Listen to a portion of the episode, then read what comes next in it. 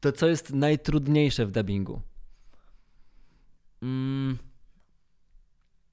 Bycie tym aktorem i wcielenie się w kogoś, w kim się czasami nie jest. To jest, to jest, to, to jest ta najtrudniejsza rzecz dla To- mnie. To mówiąc o tym, do jakiej postaci musiałeś najbardziej zmienić swój głos?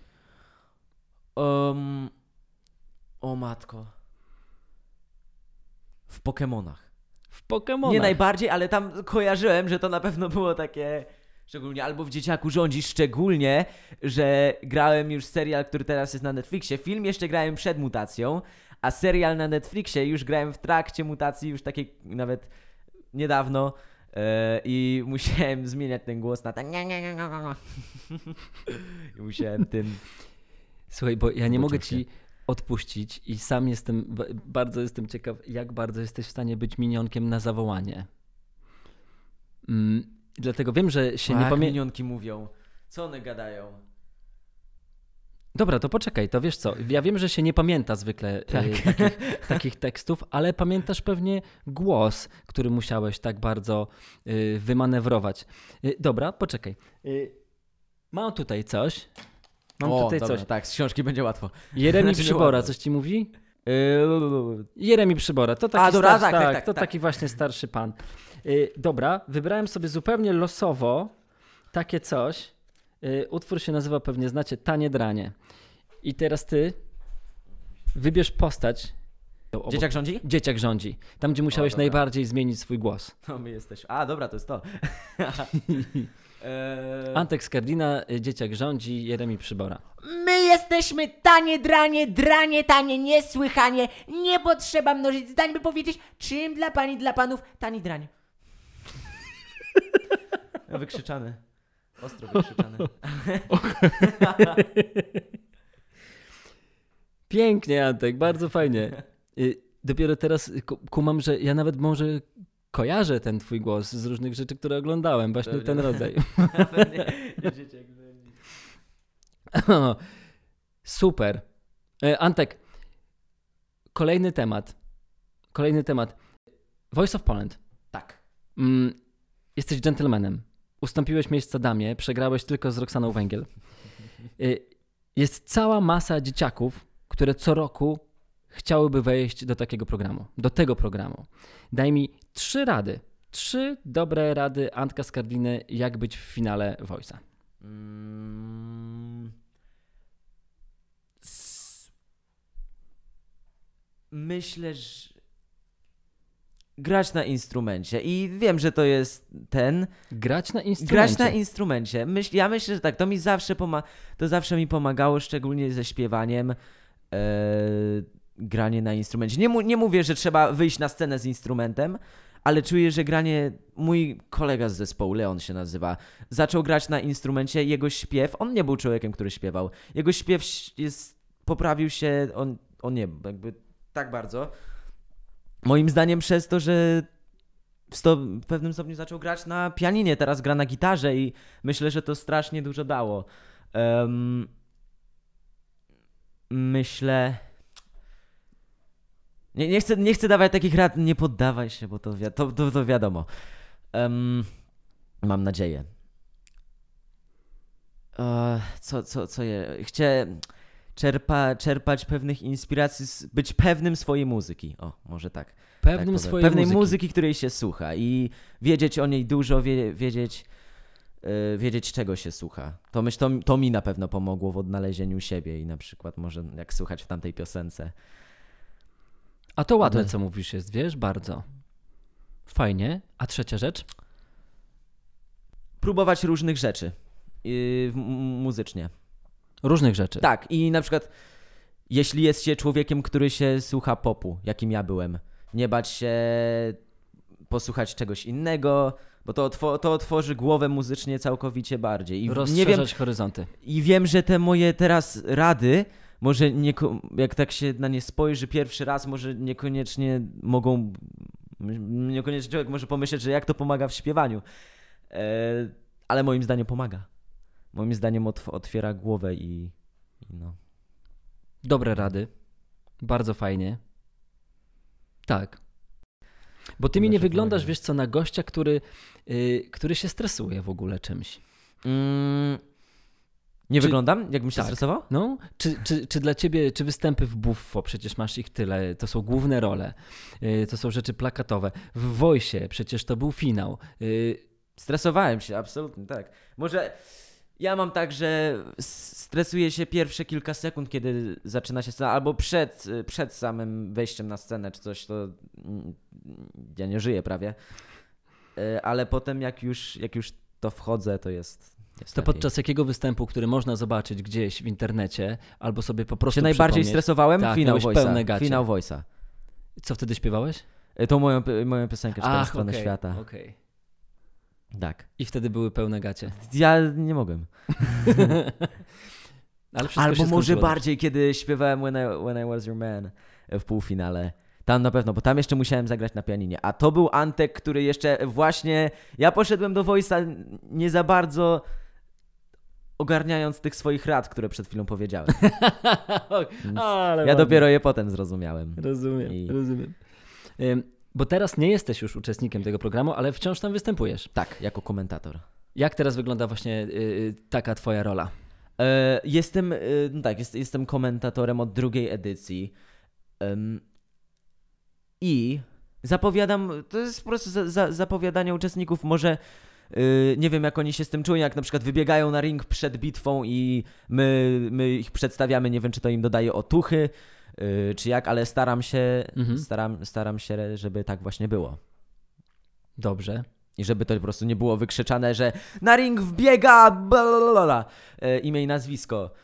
Tylko jakoś dobrze by im było dać jakieś otuchy. Też ze strony komentatora. To kto według ciebie wygra tę edycję Voice'a? O matko, nie wiem. Naprawdę nie wiem. Nie mam zielonego pojęcia. Tak, nie, nie, nie, nie jestem w stanie powiedzieć, nie wiem. Okej. Ym, Wróćmy do tematu twojego zespołu, Dobra. bo masz zespół, mieliście już Tak. koncerty, jest gitarowo, jest mocno Mhm. i teraz powiedz mi jeszcze raz, jak odbiór ludzi w realu? Myślę, że dobrze. Nie wiem, czy. Nie, ludzie, którzy chyba przychodzą na nasze koncerty, nie są ludźmi, którzy na co dzień słuchają takiej muzyki, takiej muzyki rockowej, jaką my gramy.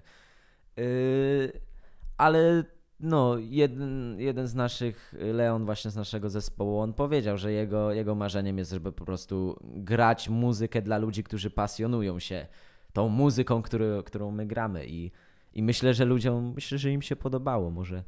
A to bardzo jest dojrzałe jak na takich młodych ludzi. Dobrze. Wie- Wiesz co, bo pytam w realu, bo ty nie jesteś gościem, który za bardzo się udziela w internecie. Tak, ja nie, absolutnie. Czy ty masz, y, masz y, TikToka? Nie. Nie, ma. A, nie wiem, czy mam nawet konto. Wiem, że mam ściągniętego, ale. Nie wiem, czy mam konto tam nawet. Dlaczego? Czy da, da się być, być w twoim wieku, funkcjonować w tak zwanym show biznesie bez TikToka? Ale ja jest naprawdę. Ja wiem co nieco o TikToku i wiem, że tam jest dużo naprawdę. Jest strasznie są strasznie fajne rzeczy na TikToku. E, I właśnie z zespołem myśleliśmy, czy by, czy by nie założyć TikToka i chcemy go założyć, ale wiadomo, jak to jest w zespole.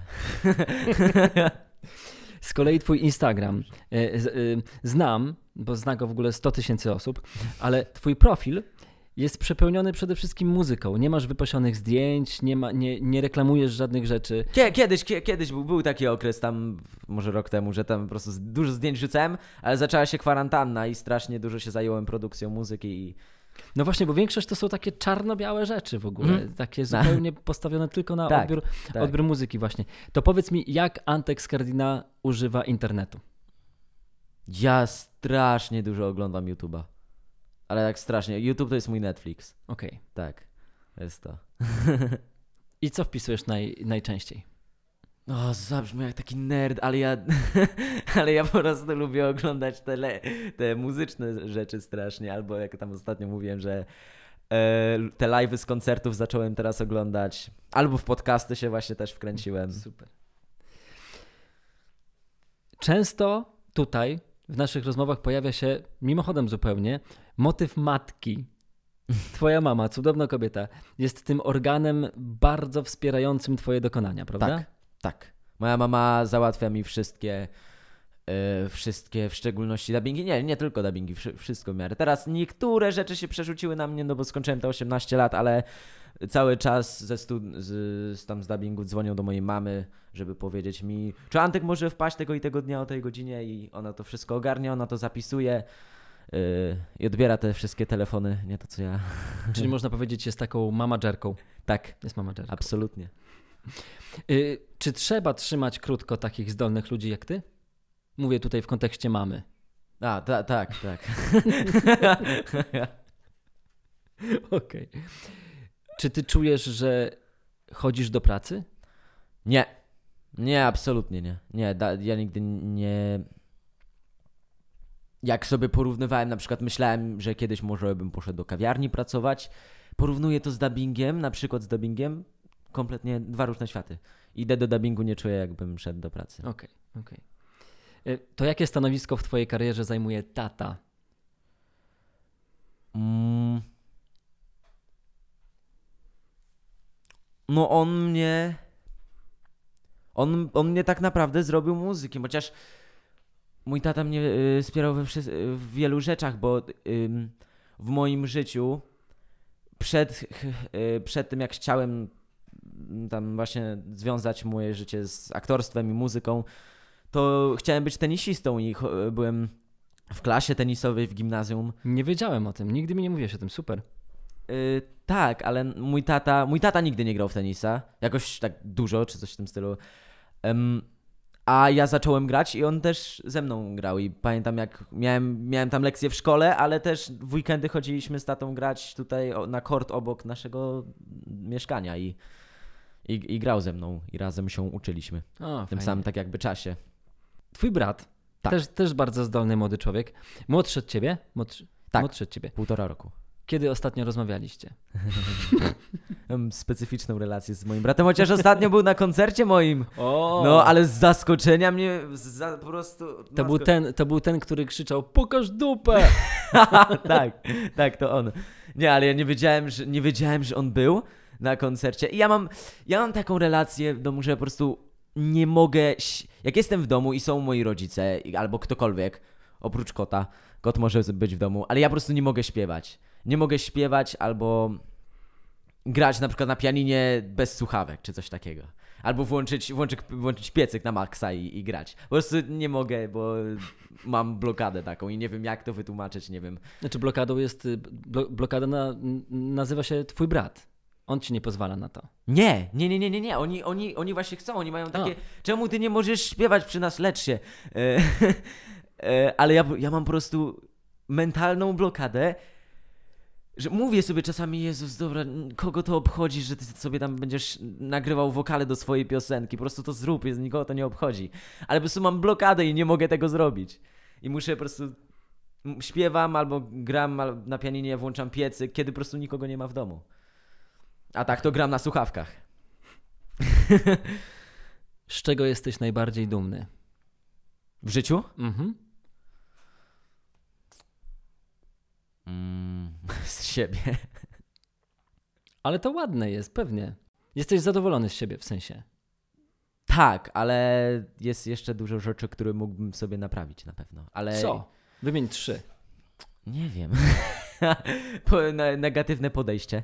Negatywne Ja podejście. mam, tak, może nie, nie pokazuję To tego. musisz to na naprawdę sto- chować. Na 100%. O dobra, teraz się trochę otworzę. Mam strasznie negatywne podejście do wszystkiego. Yy, nie? Może inaczej, to, mo- to mogło trochę źle zabrzmieć.